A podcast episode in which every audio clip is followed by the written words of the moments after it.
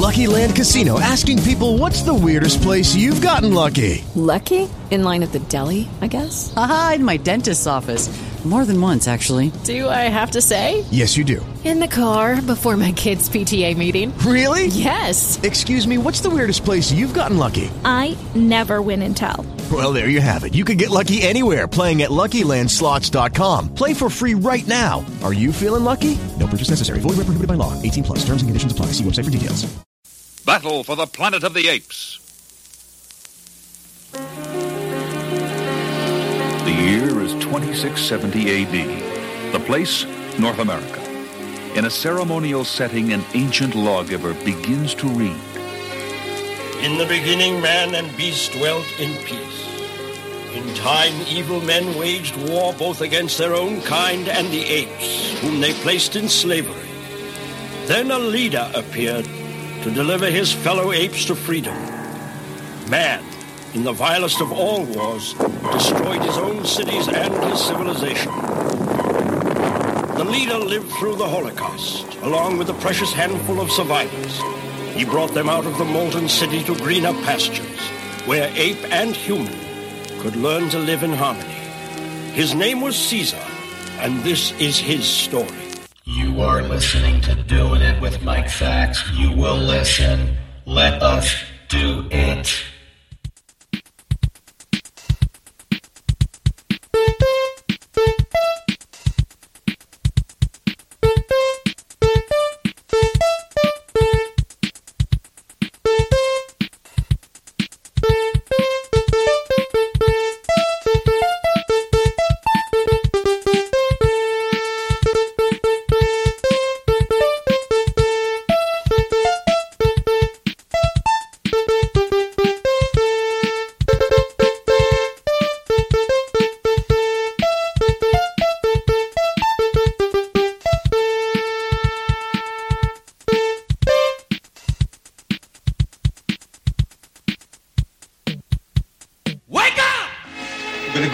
Gonna go on a little trip. Are you taking me back to the orphanage?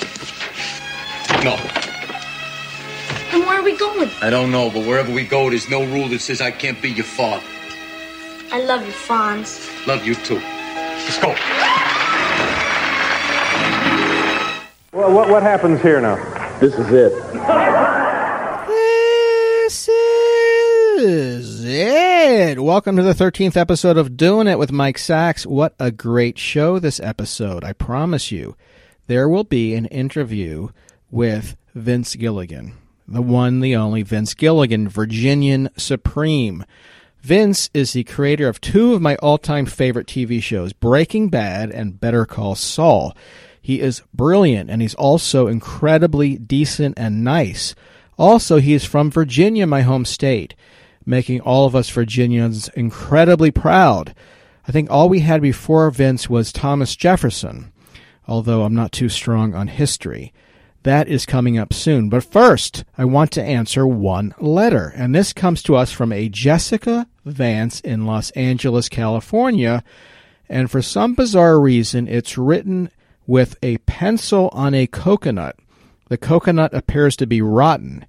Not sure how Jessica sent this through the U.S. Postal Service or why. It stinks to high heaven.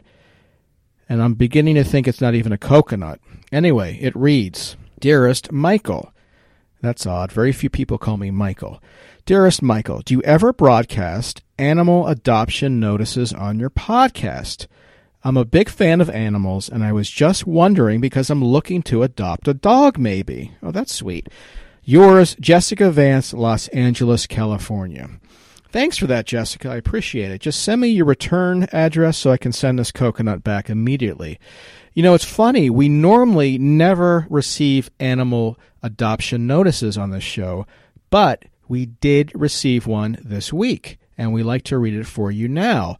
We are hoping that perhaps we can match this sweet pooch with a new owner, maybe even you, Jessica. I do have to say, however, that it's a bit of a strange notice. We puzzled over it for a while. We contemplated even reading it, but as everyone knows, there's a dog out there for everyone, and we hope that this dog finds its forever home. Okay, let me read it now. It reads Hi, my name is Smokey. Oh, it's one of those ads written in the first person from the dog's point of view. That's cute. Okay. Hi, my name is Smokey. I am a five year old black and white collie male with blue eyes and a very sweet personality. I have lived with my current owner since I was a pup, but unfortunately, I need to find a new forever home because my owner's current situation has changed. I am a very well behaved doggy, friendly, neutered, super lovable, and 100% disease and demon free. Can you make room in your home for a furry, happy, loving, non traditional dog like me? I sure hope so. I'm okay living in a small space. My previous owner's space was a tiny two bedroom house, but my owner had to leave the premises in kind of a hurry. I love long walks that don't pass churches or religious affiliated cemeteries, and I'm a fiend for the dog run. I shouldn't be around babies, goats, or home constructed altars, and I love to nap on a big fat pillow. I've learned lots of tricks. I can catch, play dead, beg, shake hands, and levitate. I'm a big talker. I can bark once for please, and if you give me a snack, you'll get two barks for thank you. Recently, I've also learned to bark in what may sound like ancient Sumerian, but don't worry. It's not like a demonologist attempted to rid a malevolent spirit from my owner's house by trapping that demon in my body. I'm just a wacky, woofy doggy. My coat is long and it will need a lot of brushing. But don't even worry about fleas. The only wingless critters you'll need to worry about are the hordes of scuttling fang crabs that come to play with me during the vernal equinox. I have a few dietary requirements. Like lots of dogs in my breed, I'm really not a fan of store bought dog food. Call me spoiled, but lately I will only eat food from animals that were slaughtered before my eyes, preferably with a knife carved from onyx. I also love it when my Din Din's entrails are wrapped in 16th century Hungarian crushed velvet silk and buried in the easternmost part of your lawn. I a picky doggy. Additionally, I should never be allowed to eat clover or sage. Ever. Eating clover or sage will make me feel like I have a grumbly tummy and that I am surging with the invincible power of the dark armies of Nizroth, so keep that stuff away from me. Seriously, if you have sage or clover in your garden, it has to be removed immediately. This cannot be stressed enough. Set your garden plots on fire, then pave over them with concrete just to be sure. If I ever eat clover or sage, all I can say is things are going to get rough. I have literally come out of my shell and I am becoming more and more social. I am great with humans who cower before me, but cats and priests with wrong intentions just make me angry. I will cool down quickly if I am placed gently onto a throne and then carried through town on the backs of four middle aged virgin men. I am also prone to motion sickness. Before adopting me, my new mommy and daddy should know that I have not finished growing just yet. I am a medium sized doggy who is getting larger and larger every day and who has not yet reached his final height of nine and a half feet. I hungry. I almost always come when called, but if you're shouting for me and I'm being stubborn, try calling me by my nickname, Phone, leader of the foot soldiers for Hell's Army. Just be sure to never call me by my nickname three times in a row or while staring into a mirror. And definitely do not call me by that nickname while you're menstruating. Do you have the patience to raise a differently able pooch? Then I may be the one for you. Here's a question Can't some doggies be a little special and have between their legs a birch rod to mete out punishment instead of a boring old tail? I hope I'm not sounding like one of those high maintenance doggies. Though I need a little extra care, I'm just a regular, lovable old pup who is so not presently possessed by the spirit of the second captain of Hades' sentinels. And even if I was, that would only be because my owner's demonologist told him she could cleanse his house if he let her pour the spirits into my pretty furry body, but then never let him know what was going to happen for the rest of eternity. If you ever feel the need to be sure that I don't have any demons inside me, you just have to get some help from the demonologist who's still alive, barely. Piece of cake! I'm ready to move in today. Just come and get me from the corner of Palmer and Landvale.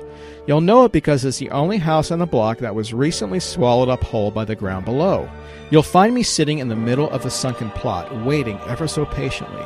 Do you want me to come home with you? All you have to do is look me directly in the eye and say, Rise, Basil Phone. You are welcome to my home, and I am humbled to subject myself wholly to thine rule. Hi, Hi, my name is Smokey, and I cannot wait to join your happy, happy family. Won't you give this remarkable doggy a chance? Holy shit. No, I'm not giving this remarkable doggy a chance. But if you, on the other hand, want to give this remarkable doggy a chance, just email me and I will pass your information along to the unlucky owner. Okay, I'm very, very happy to announce that this podcast has a new sponsor called Sitrana, S I T R A N A. They make gorgeous, gorgeous leather shoes.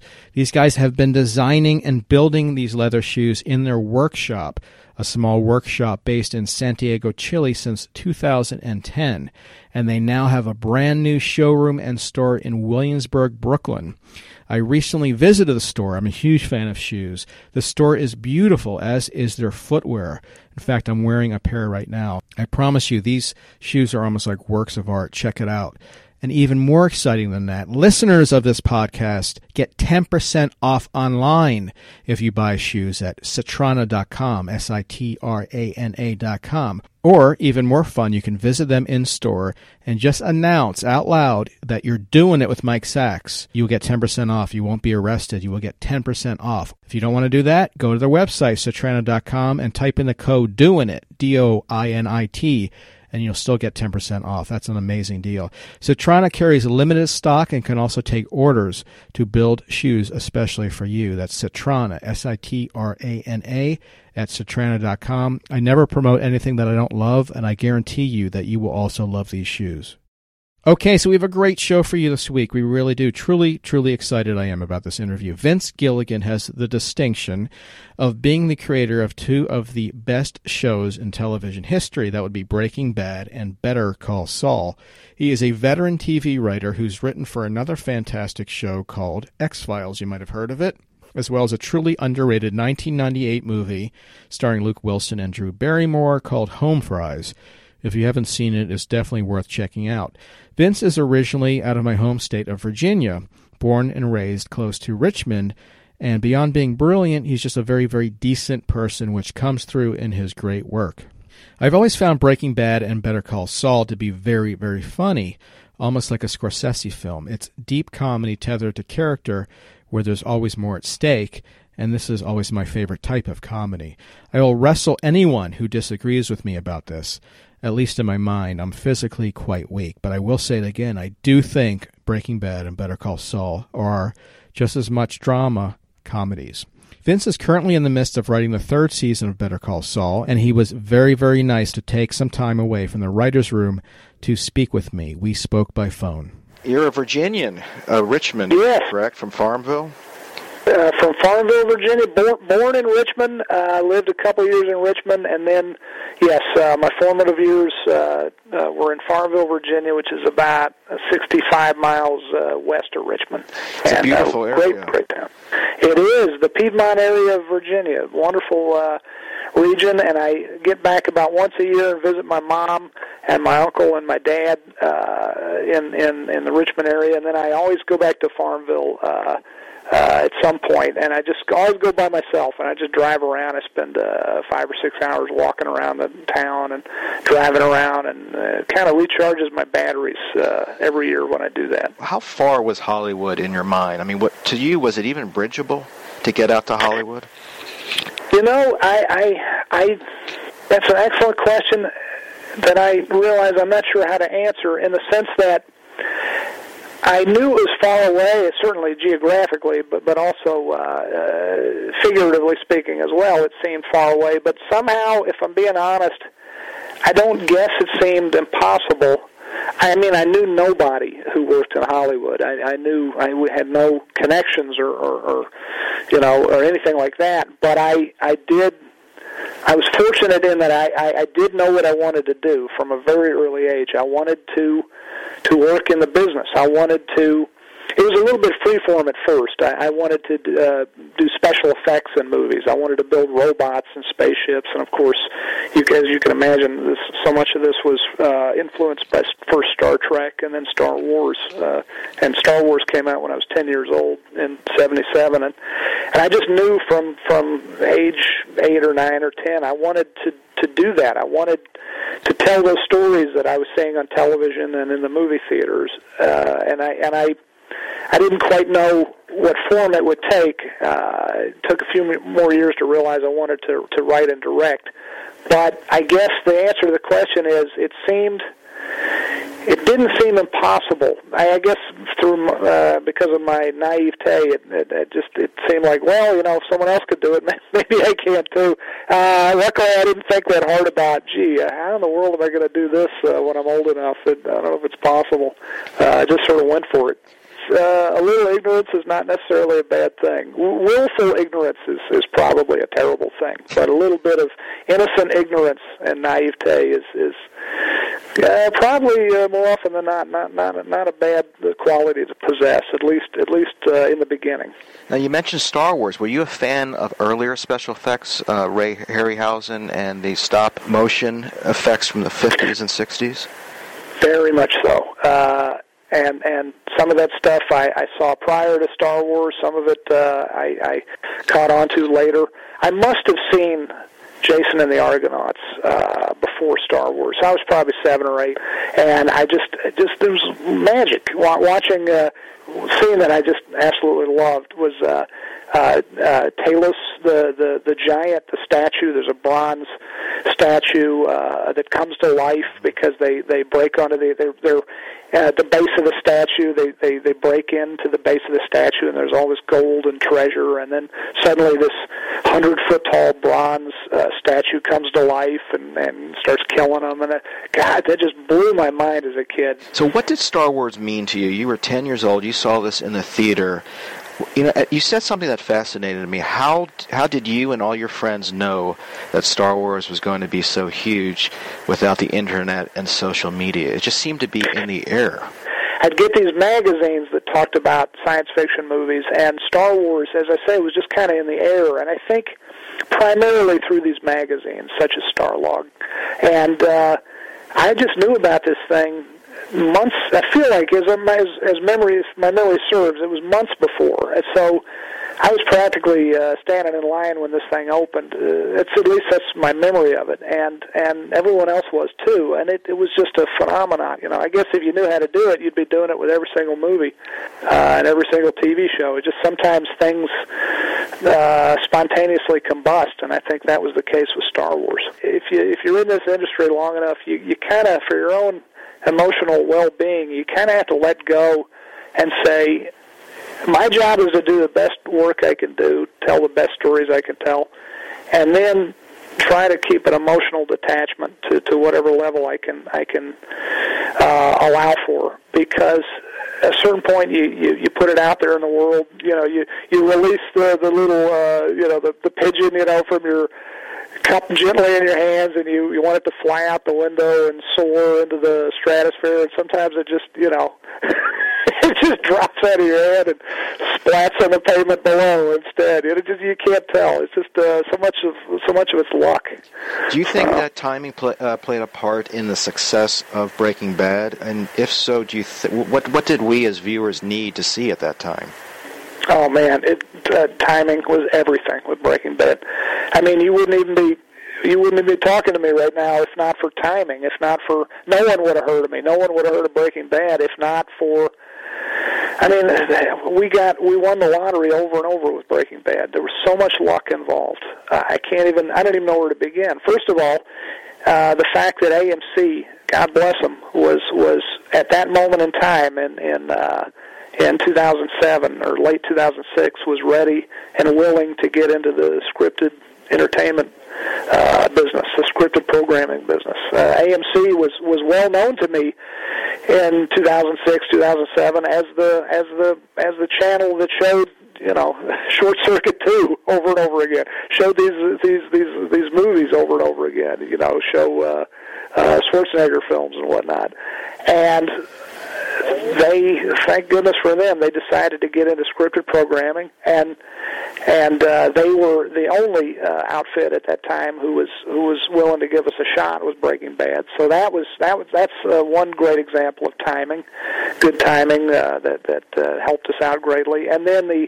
the second uh, big milestone in terms of, of, of, of good fortune and good timing was uh, that that streaming video, video on demand, uh, came along, came to its, uh, came truly into being uh, at around uh, season. Gosh, I forget exactly season three, I guess, or or maybe season four of of Breaking Bad, and and uh, Netflix. Uh, uh, as the prime example of, of streaming video, Netflix stopped being just a company that, that mailed you DVDs and became truly what they are now, uh, started to become what they are now, a streaming company, and they took Breaking Bad and allowed people to catch up to it, to, to in other words, catch up to a very uh, hyper serialized show that, that uh, no one could have caught up to uh, under the old model, the old paradigm of of of uh, you know repeats available once or twice a year on on on broadcast television. Suddenly, people can catch up. They don't have to buy a DVD box set. They can they can catch up on their on their Netflix on their Netflix feed, and that was uh, great good timing. Uh, that that kept us on the air past I guess season three or so, season four, and and allowed not just kept us on the air, not just kept us in production, but allowed people to catch up with us, people who otherwise would have never seen the show, and and allowed it to turn into to what it ultimately became. And those two great moments of good fortune were nothing that I planned for. I just, I just, we just, you know, we all got caught up in, in the in the in the in the wave, so to speak, and we were we were just lucky. I'd love to say, oh yeah, no, we planned all that, but it was, uh, like I say, you either have luck or you don't. I know, but I mean, at the same time, the show is, in my opinion, the best show ever, and the quality of the writing, the production, the music, the acting was so top notch that that certainly, you know, you had a bit of luck, but you, it can only take you so far. And I think that the the the um, quality of the show uh, I had never seen before. Well, well, thank you, Mike. We, I mean, we, we, as we always do, we, we, we, uh, and as everyone does, not just us. You, you, you, you put your best foot forward, and you, and you make the best show you can make. Or if you're making a movie, you make the best movie you can make, so on and so forth. It's that's the real joy of of getting to do this job is to is to do the best work you can do, and then the real heartbreak of the job is sometimes you've very often, in fact, you've done the best work you can do, but then it it just doesn't connect with an audience for for whatever reason, bad timing or whatnot.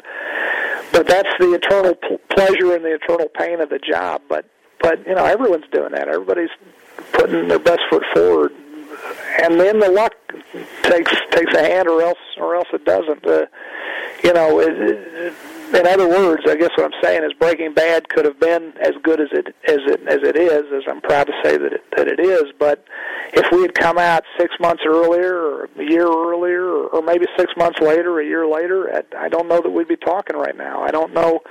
In other words, it's it's it's as I was saying earlier, it's it's not all about quality. It's it's it's about what is is interesting uh, at that particular moment in time. What what catches an audience's interest, and this becomes more and more important as time goes on because we all have less bandwidth than we've ever had before. Where there is more product uh, coming out of the pipeline, coming out of the various pipelines. It used to be there was one pipeline.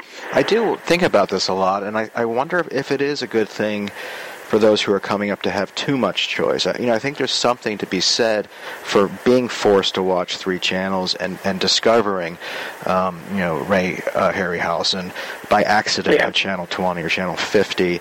But I do wonder what it's going to be like for my daughter who's growing up now, and for future writers to for everything to be so fragmented.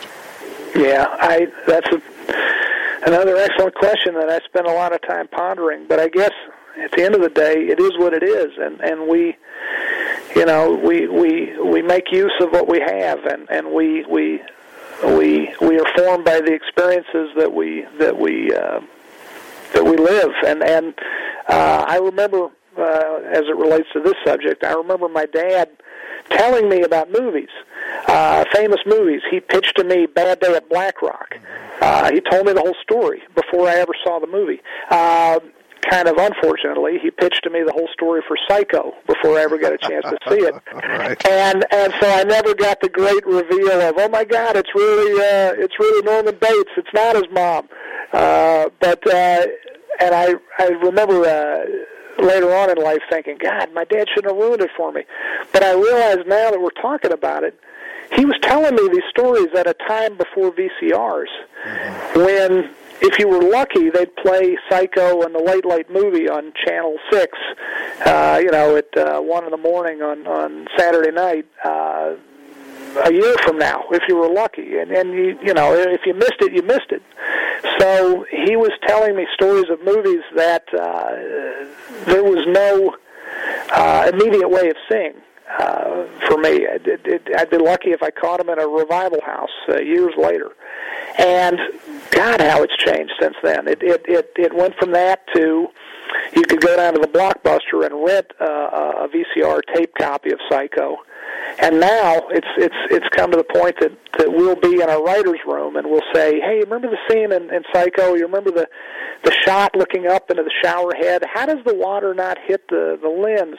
Hey, pull that up, would you, Ariel?" We'll say to Ariel, our, our, our writer's assistant, you know, and and she is already on it before we even ask her because she's that good. And suddenly we're all standing in a semicircle around her laptop watching you know the the water come out of the shower head in Psycho. It's it's instant gratification, and it's it's amazing how we as human beings get used to it, and and we get used to it quick uh, because now I have to remember back to what it was like in the old days before VCRs, and and and it, it's I, I don't think it's you know, and and it, it's it's too big a thing to even I mean, certainly we should question everything, but as to whether it's a good thing, a bad thing, it's it it just is what it is. It's this amazing tool, and there are good things about it and bad things. But but by and large, being able to access things that can inspire you, uh, can make you a better human being instantly. Uh, that's that's a that's an amazing invention. But the other side of the of the coin is you can instantly access things that uh, don't make you so inspired, don't make you so happy. You, you, you have to you have to wallow through a lot of shit, you know, a lot of junk uh, with that ability. So it's just uh, putting it to good use is the is the key, which is easier said than done, I guess. Well, you mentioned before the streaming aspect was part of the success you feel of Breaking Bad. Do you write differently with that in mind? Can you make the plots denser? Can you make characters' backgrounds denser, and that you know people will be rewatching this in order? Oh yeah, it, it's that's that's a godsend. I'll tell you. Uh, when I started off in TV, uh, I, I my first my first television job was the X Files, which is which is the second best job I will ever have. I have to give I have to give the the nod to uh, to Breaking Bad slash Better Call Saul. I have to give that that's eternally going to be the best job ever. But a close second was the X Files. It was a wonderful, wonderful job I had for seven years, and I, I I'm I will be grateful to the day I I die that I got it. And Chris Carter gave me that job. I learned so much about TV working on the X Files. And back when I got that job, it was conventional wisdom in TV. You did not tell serialized stories. Uh, TV, it was a rare TV show uh, at that point in the early '90s that was that was serialized. That that that picked up one week where it left off the week before. Because the network executives, the guys, uh, the men and women buying these shows, would say, "No, you know, those don't sell." And they weren't completely wrong. The conventional wisdom was based on a, on a truth that uh, apparently, as, as I recall, I remember the the uh, the, the the conventional wisdom was. Uh, I guess derived from from market studies and whatnot. People who identified themselves as fans, true fans of a TV show, by and large wind up seeing one quarter of the episodes of that given show. In other words, if you said, "Man, I love Hill Street Blues. That's a great show," or, or NYPD Blue, or whatever.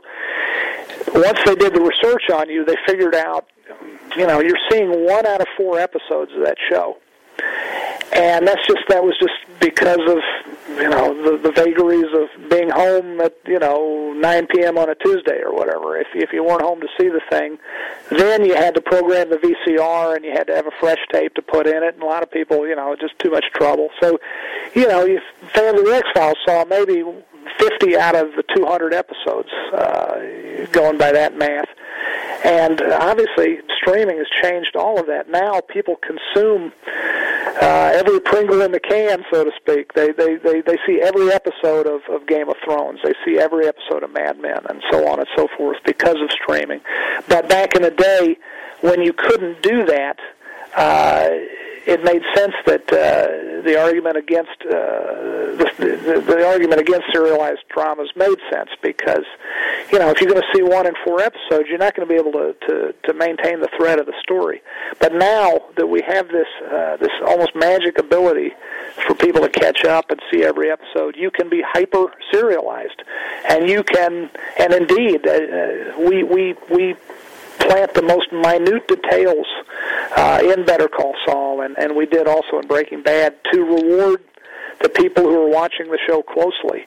And it used to be back in the day as well. that you know the network executives would give you the note about, gee, this thing you're reminding the audience of it happened two episodes back, and and we're going to need a little flashback, or we're going to need some dialogue where where the guy says, hey Bill, remember that thing that happened where uh, you know you said this and thus and so. I'm sure there are executives still giving that note, but it is not as necessary as it used to be. And for that, I'm grateful because it, it led to a lot of very clunky exposition and, and a lot of clunky flashbacks that, that really uh, it's a sad thing that they were ever necessary, and it's a wonderful thing that, that, that they may no longer be necessary. But that must put more pressure on you as a writer when you break down a story or when you evolve a character. The nuances and the details must extend much further than they would have otherwise. Yeah, you got to be. You have to be rigorous, and you have to. You have to uh, uh, exhibit a fair amount of self-discipline, and and I think that's great. I mean, that's the kind of thing I I, I love doing. Uh, all of the writers on on on both shows uh, took that as a challenge. On on Breaking Bad and Better Call Saul, uh, we took that as a challenge.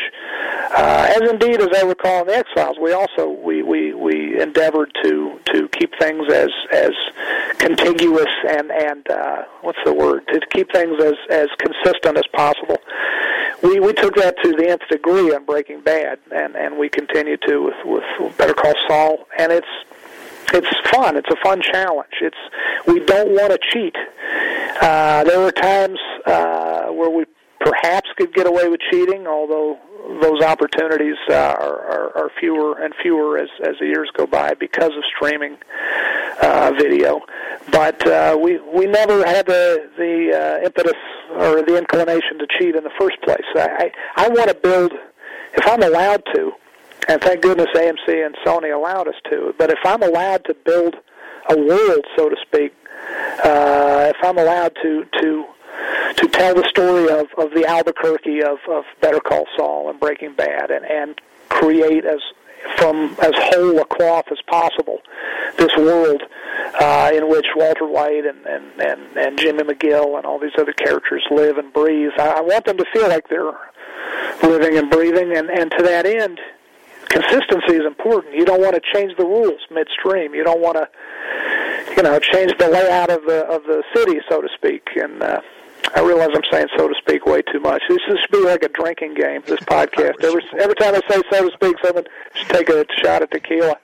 I'll try to I'll try to I'll try to uh, keep everybody from getting too drunk here going forward. Uh, but it's uh, it's I've never really had the inclination to cheat. None of us have. It's it's it's a challenge and a and a and a and an enjoyable one to keep things as consistent as possible. Well, that's an interesting point. It's almost when you say create a world, you're creating a world much like you would Middle Earth or Westeros. This is a fictional world that you have to create, and just because it's based on real life doesn't mean it would be that much easier. Well. Uh, we we do have a leg up having uh, the real city of Albuquerque to, to base things on. Uh, Westeros is a lot. Uh, there's a lot more invention there, and and uh, all credit to Dan and David for uh, doing such a wonderful job, and and George Martin. Uh, you spend a lot of time daydreaming. In this case, about an Albuquerque that that is based on a real geographical place, but that is in a lot of ways an overlay that exists as a sort of a phantom world over top of the real place. So it's easy to picture. It must must be easier for me to sit there and picture uh, a sequence uh, that Walter White's gonna gonna live in than than it is for the guys uh, on Game of Thrones picturing Westeros. You gotta you gotta really have a picture of that place in your head uh, first, and that that's a, that's that's heavier lifting. Uh, and when you do this job long enough, and I, I remember this from the X Files as well, it really does. If you allow it to, and if you put the time in and the effort in, it really does start to come alive for you. I remember back in the X Files in the in the '90s, uh, I would spend so much time thinking about Mulder and Scully that I would I could picture Mulder's apartment. I could travel through it in my mind. I could picture their office in the basement of the the FBI headquarters. I could, uh, and first and foremost, I could hear them talk in my head. And the best experience is writing for the X Files. Once you have that structure, that plotted out uh, skeleton to the story, which is the most important part of writing, I think, and, and the hardest and the least fun. But once you have the outline, the plot for the episode, and then you begin to flesh it out on the page on the typewriter or the or the computer, there would be times I'd be in my office and I would hear Mulder and Scully talk in my head, and I could hear their voices, and I was just I was I was transcribing. Uh, I was taking dictation more than I was writing, or, or so it felt and that's a that's a tough place to get to, and it takes it takes a lot of man hours. It takes a lot of years, in fact. But it's a it's a it's it's a great place to be once you get there. It it, it makes you feel like, oh, my job just got a whole lot easier. But is that a good place to be with a character like Walter White to have him in your head? Not so much. Not so much. Uh, I mean, I'm I, I would, wouldn't trade my Breaking Bad experience for anything, but I I do have to say, as sad as I was when it ended, it was a bit of a relief uh, as well uh, that I felt because I can remember. I think I might have told this story before, but it's maybe worth retelling. I remember driving home uh, at night uh, from uh, our, our writer's room in Burbank, and we, we left pretty late some nights, and it'd be ten, eleven uh, at night, it'd midnight or whatnot. I'd be driving along through Burbank, which is is not not a, not a bad neighborhood or anything. It's a nice, nice area actually, but uh, I'd be pulled up at a stoplight, and a car would pull up alongside me, and I'd I'd get these sudden, I'd have this sudden fear. You know, is that guy next to me going to roll down his window and shoot me? Be the victim of a drive-by. Just crazy thoughts that came out of nowhere, and. uh in hindsight, I realized it, it, they came from this fictional world I was spending 10, 12, 14 hours a day in, in, in my mind's eye. I, I was, in other words, uh, I was, you, you have to put yourself in the head of the character you're writing. Uh, and I was, I was wearing, uh, Walter White like a, like a second skin. I was seeing through his eyes. You have to to write to write his story. And if you if you spend enough time in Walter White's head, you, you see the world even when you're not actively, uh, you know, storytelling. When you're not actively writing, you start to see the world through his eyes. And and that was probably a point where where things were getting really serious. And Gus Fring or somebody or another was was uh, was out to get him. And and suddenly I'm feeling those, those kind of feelings in my in my real life and getting a little paranoid. I don't want to over dramatize it or oversell it, but there were there were moments where it was sort of uncomfortable, or where I thought to myself, I'm kind of looking forward to this being over because this is a heavy. I think I think uh, Bryan Cranston almost uh, I think he worded it like sort of a heavy overcoat that you have to wear when you're playing the character. But but that's an actor's point of view. Uh, from a writer's point of view, it's it's somewhat similar. It's it's there's a real interesting overlap there between writer and actor, where you you get these characters in your head, and and it's good to let them go at a certain point. You know, what's interesting is how strong a connection people felt to Walter White. How much, including myself, sympathized with this guy who was a, basically a sociopath. But to yeah. get to that level, I, I would think that you would have to see in his eh, from his point of view, and to do that, you have to dig deep within yourself as a writer. Yeah, it, it's true. Um, it was never that hard to see through his eyes. It was. It, it didn't always remain easy to to sympathize with him, or certainly to to quote unquote like him. That that actually got harder for me over the years, and it, I would have interesting conversations with Bryan Cranston. Um, there is an interesting difference between writer and actor, I think, in in one sense. There was a certain point where I stopped liking Walter White. Uh, I didn't necessarily hate him, but in the early days of the show, of the series, I was actively rooting for Walt, and I felt for him, and I liked him, and I wanted to see him succeed. And those feelings of affection, for lack of a better word, started to go by the wayside for me as the as the seasons progressed. And round about the beginning of the fifth season, and maybe a little before that, I, I started to actively uh, dislike is maybe too strong a word, but I I I I, I liked Walter White much much less, and I felt more and more for for his family and for Jesse Pinkman, uh, for all the people uh, who suffered for his really monstrous uh, ego and and and sociopathy. Uh, he really, you know, we we we we accomplished what we set out to accomplish. We from the get go. I always use that kind of time worn expression now. I want to take Mr. Chips and turn him into Scarface, and and damned if we didn't. But along the way, I became less uh, less uh, enamored of, of of him, and Bryan uh, did not. Bryan I realized uh, as we'd have these conversations, I'd say to Bryan, "Well, you know, Walt is a real asshole at this point," and Bryan would look at me kind of funny. He'd look startled, and and he'd almost look a little bit hurt. And I realized in in, in hindsight, why am you know what is wrong with me? Why am I saying to the to to the star of, of my show that the character he's playing is an asshole? Why does he need to hear that? And it was really a dumb thing to say because you know, as as as much as you as a writer see through the eyes of the character, and that was what I was trying to express a little earlier. There's nothing.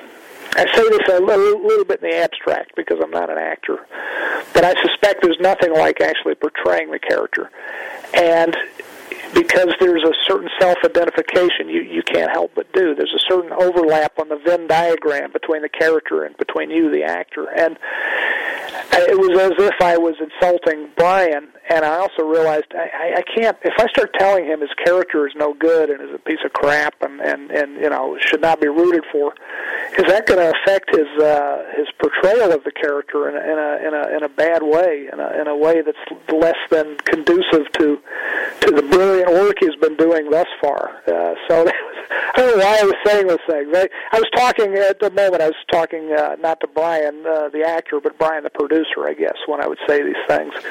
But uh, in hindsight, I wouldn't do that again on another show. Well, what was it about the Walter White character in in around season four that you started to turn away from? Was it anything in particular? Uh, I don't know that it was any one scene. It was the weight of, of scenes. It was the weight of behavior, the weight of, of, of, of arrogance and, and ego and overweening pride and, and uh, sociopathic uh, uh, disinterest uh, in, in, in the feelings of other people. And, and more than anything else, the, the, the bullshit the, uh, that he I'm talking about it like he's a real person. By the way, Walter White, God bless him. He, you know, he's uh, he's he's made my life very comfortable financially. You know, but but if he were a real person, it's a, uh, you know, I'd, I'd cross the street to avoid him. He's he's he, the, the, the worst thing of all, I think, was the lying.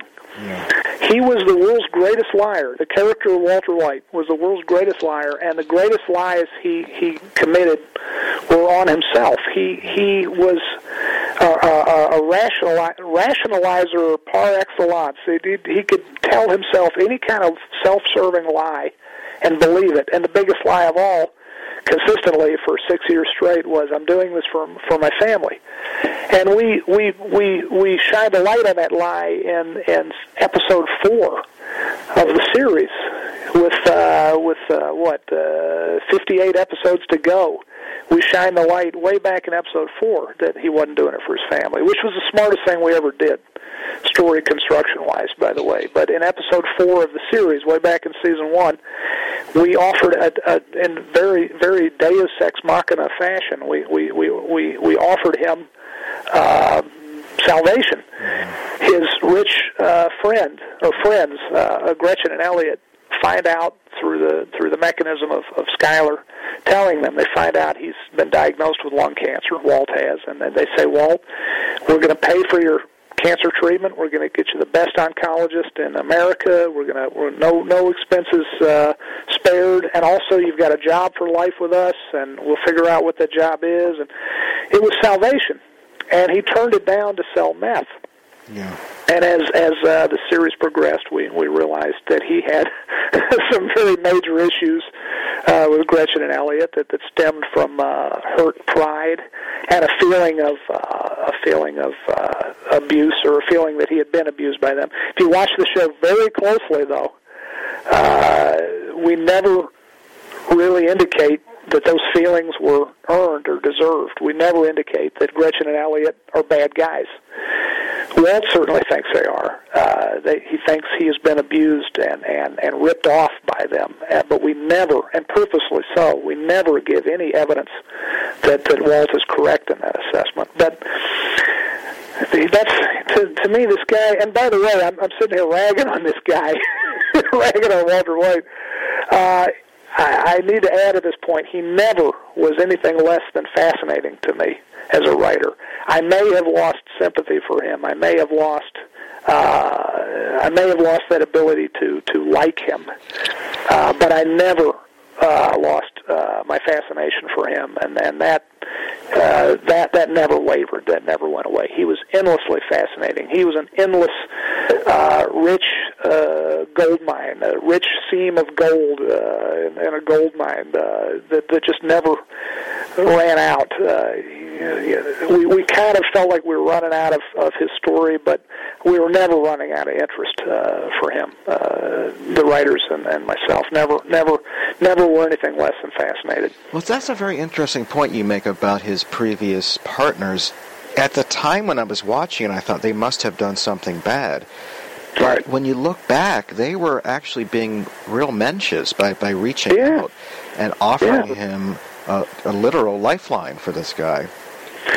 That's and and in that early episode, we didn't really know that much about them. Uh, we the writers didn't didn't know as much as we as we knew later. But that was that was kind of that was a lot of the fun we had with Breaking Bad was was playing with with conventions and expectations. And one convention of television, not just television, but but any kind of storytelling, going back to the to the Greeks, I suppose.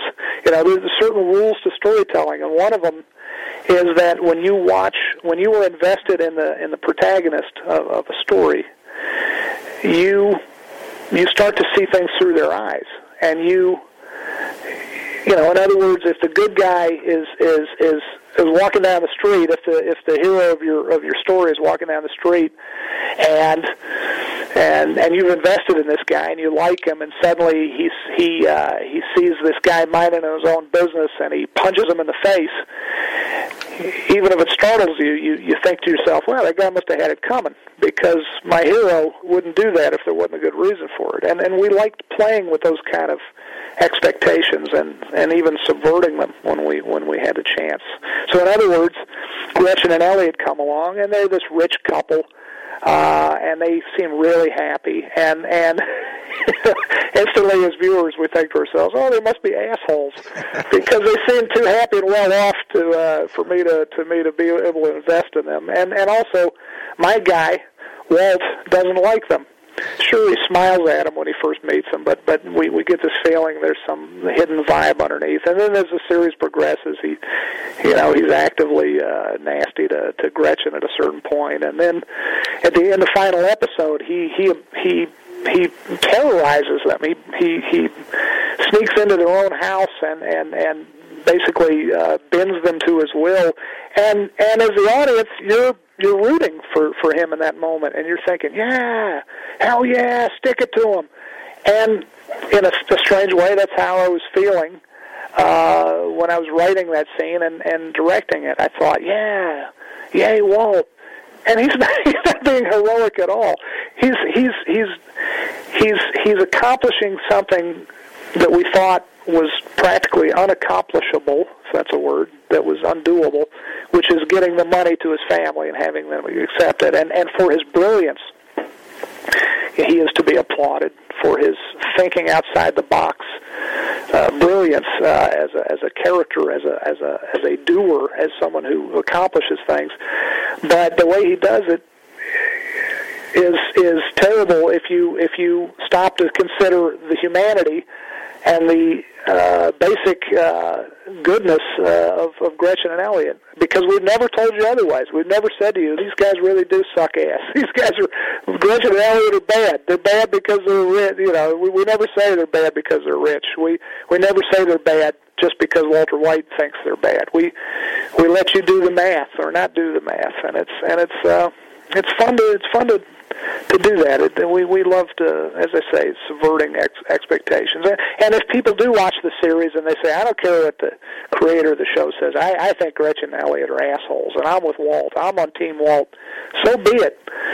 Uh, if we ever meet in a bar or whatever, and you you know you argue with me and say, I I think you're barking up the wrong tree. Walt had a lot uh, arrayed against him, and he he he deserved to to to you know so he stuck it to a few people along the way. I don't care. I'm still on Team Walt.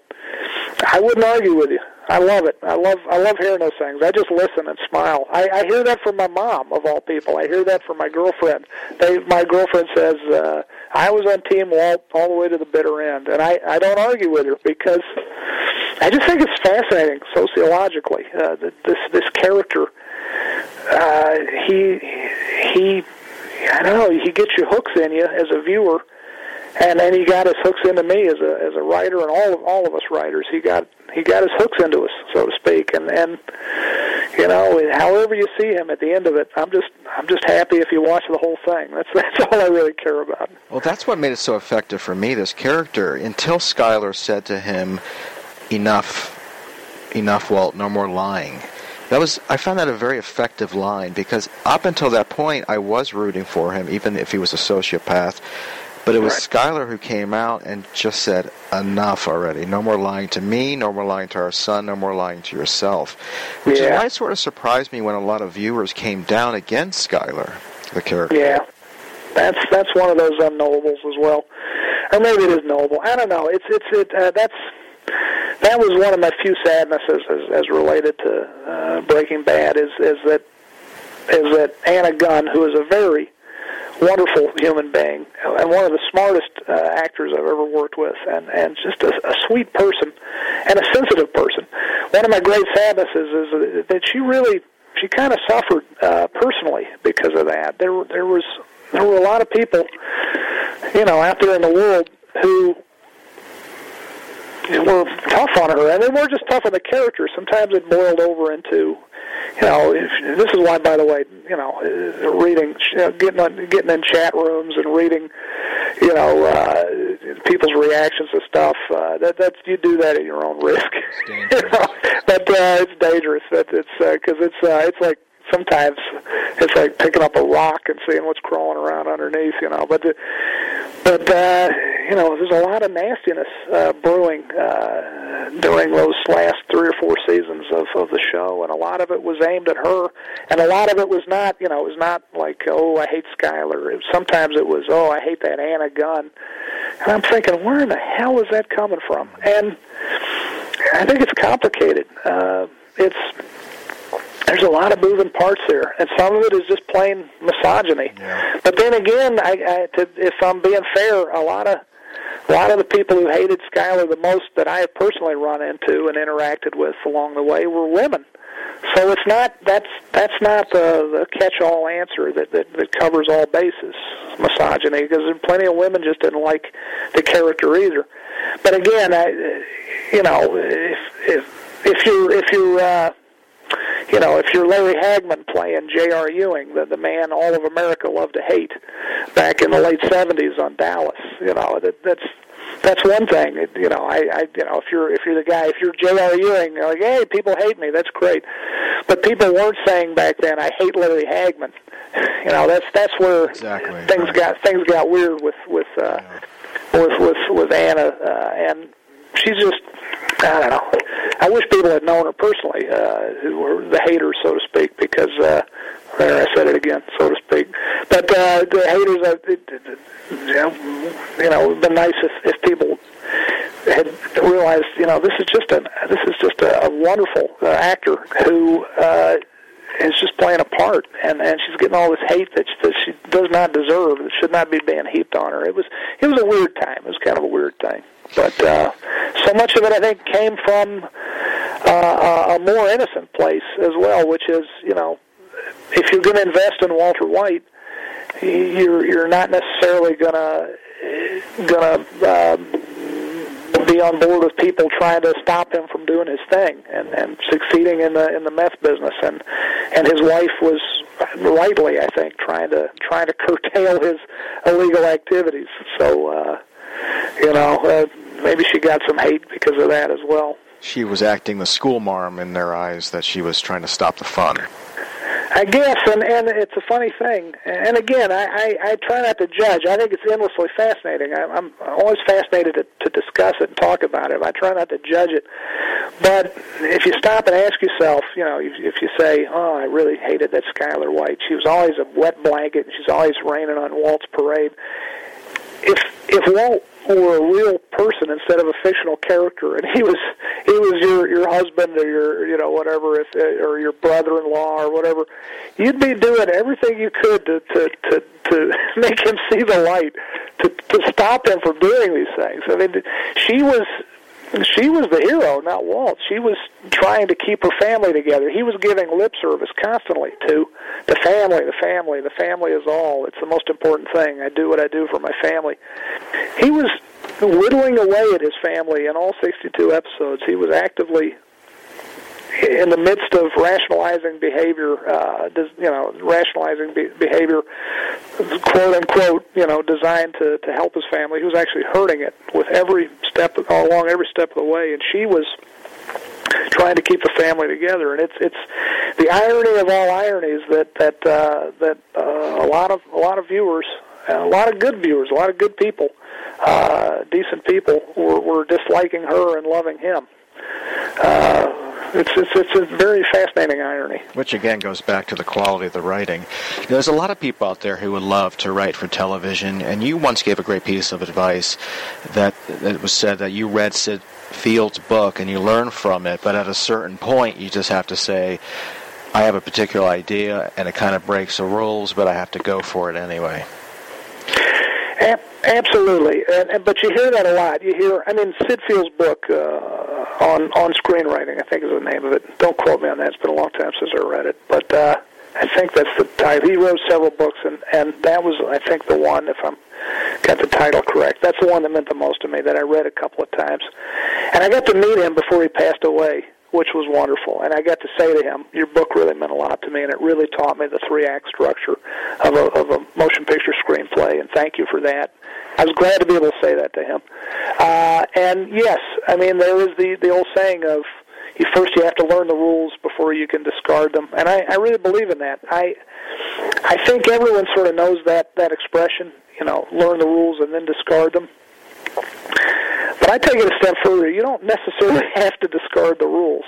There's a lot of room within the format, within the framework. Uh, there's a lot of room to maneuver. There's a lot of room to tell fresh and interesting stories.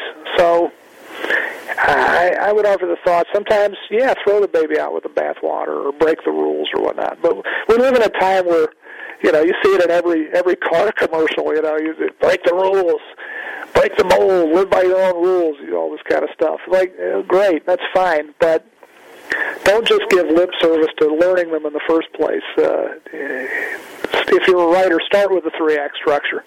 Why not? It's there's it's it was created over thousands of years, you know, through through you know. Uh, cavemen telling stories by a campfire to uh, you know Greek uh, theater to uh, Shakespeare to you know so on and so forth to television and movies. Learn that three act structure pretty well because it's it there's some natural human rhythm to it. There's some reason it exists the way it does. Having said that, I mean I'm on a, on a TV show that does a five act structure, a teaser plus four, but I mean abide by some sort of structure. Because every painting needs a frame around it. Every every artwork needs some kind of framing mechanism and and some set of limits even self-imposed limits to to be abided by. Uh, that sometimes it's a frame that makes the art so uh, I won't say it again, so to speak. Uh, but sometimes it is. Sometimes it is the frame that makes the art. So learn the rules and and you know stick with them. Uh, unless you got a darn good reason for for for breaking them. Is- Well, that would be my advice. I mean, Yeah. even, even bop musicians like Charlie Parker knew the scales and practiced those scales for years and years before he jumped off and just exploded. Oh yeah, you can't. Music's a good analogy, and I, I say this as someone who is is very ignorant of of musical structure. I, I that's something that's one of my lifelong regrets is I never learned to play an instrument because I music is fascinating and I love listening to it. I wish I knew how to make it. I I, I think I would get such pleasure from doing that. But but even I know. Uh, a rank amateur as far as, as musical structure goes. Even I know that you can't put any random note after the note before it. There's got to be a rhyme and a reason to it. You, there has to be a, a rhythm to it. There has to be. And here's where I fall short of knowing my terminology. But if you just randomly put notes one right after the other, that's not music. That's noise. And it's there's a similar. Uh, analogy to uh you know the analogy holds with with with storytelling. You can't just have a you know okay you know the boy kisses a girl and then a meteorite strikes and then you know killer whales sprout wings. And, you know you can you can have a computer write a screenplay and, and just have random shit happening all live long day but that's not going to be satisfying to to uh, the person to whom the story is being told just as it wouldn't be satisfying to put random note upon note uh, you know that wouldn't be a, a, a good listening experience to to a music lover. It's there's that's the framework I'm talking about in a sense. There there are certain rules that exist because humans, as receivers of music and of storytelling, have certain you know they have certain wants and desires uh, when when they get a story told to them or when they listen to a song. There's there's certain certain things that we we we kind of need, and and that's you're not, you're not being unimaginative or uncreative to to abide to a certain extent by that by that long-standing structure. That's really interesting. I've always thought of the, the plots for Breaking Bad as almost being melodic, like listening to a good Elton John song where it just hits the pleasure center of your brain. I wonder if, if that same part of your brain is is affected by both a good plot, a good writing, as well as a good melody. I don't know. I'd uh, I love hearing that though. I don't know. I just uh, you know I, I can all I can tell you for sure is the way we approached it every week was there are certain there are certain truths to to to drama and to storytelling, and we we need to abide within the general framework of, of, of how a story is delineated. But but within that framework, let's surprise the audience as often as we can. Let's let's let's keep them guessing. Let's let's make it hard for them to to determine what's going to happen next, and uh, that that always held us in good stead. Well, I know a tremendous amount of time goes into that, and I know that you are due back on the in the writing room to start breaking down a new season of uh, Better Call Saul. So I'll let you get back to that. But I just want to say how much your work means to me. Oh, thank you, Mike. Right back at you.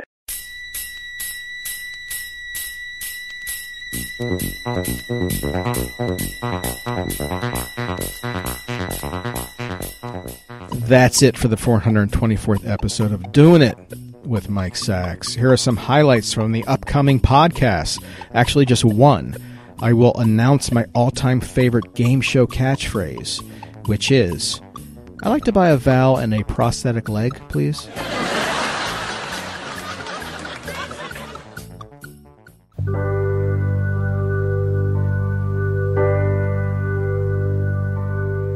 I appreciate you joining us. I really do. I look forward to seeing you all next week, especially you, that one in high school math class, daydreaming that you're out of high school math class and in a writer's room.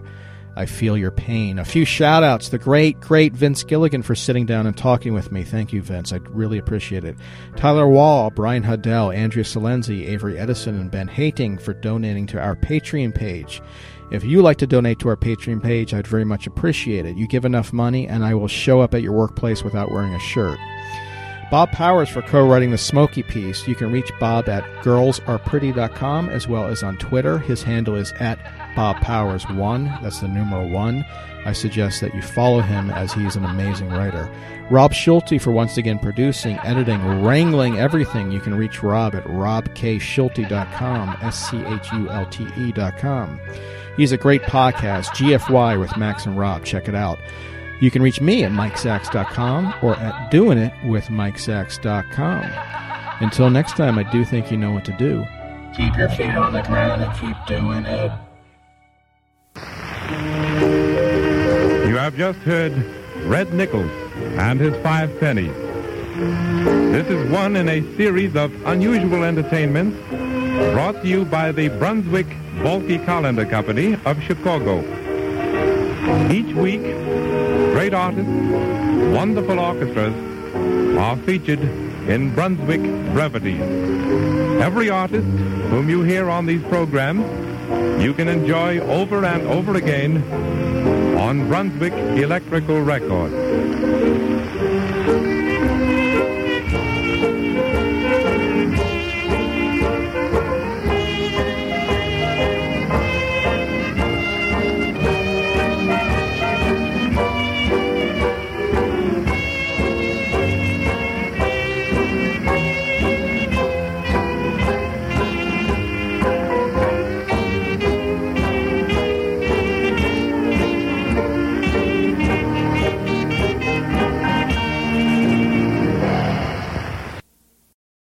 Lucky Land Casino asking people what's the weirdest place you've gotten lucky? Lucky? In line at the deli, I guess? Aha, in my dentist's office. More than once, actually. Do I have to say? Yes, you do. In the car before my kids' PTA meeting. Really? Yes. Excuse me, what's the weirdest place you've gotten lucky? I never win and tell. Well, there you have it. You can get lucky anywhere playing at LuckyLandSlots.com. Play for free right now. Are you feeling lucky? No purchase necessary. Void where prohibited by law. 18 plus. Terms and conditions apply. See website for details.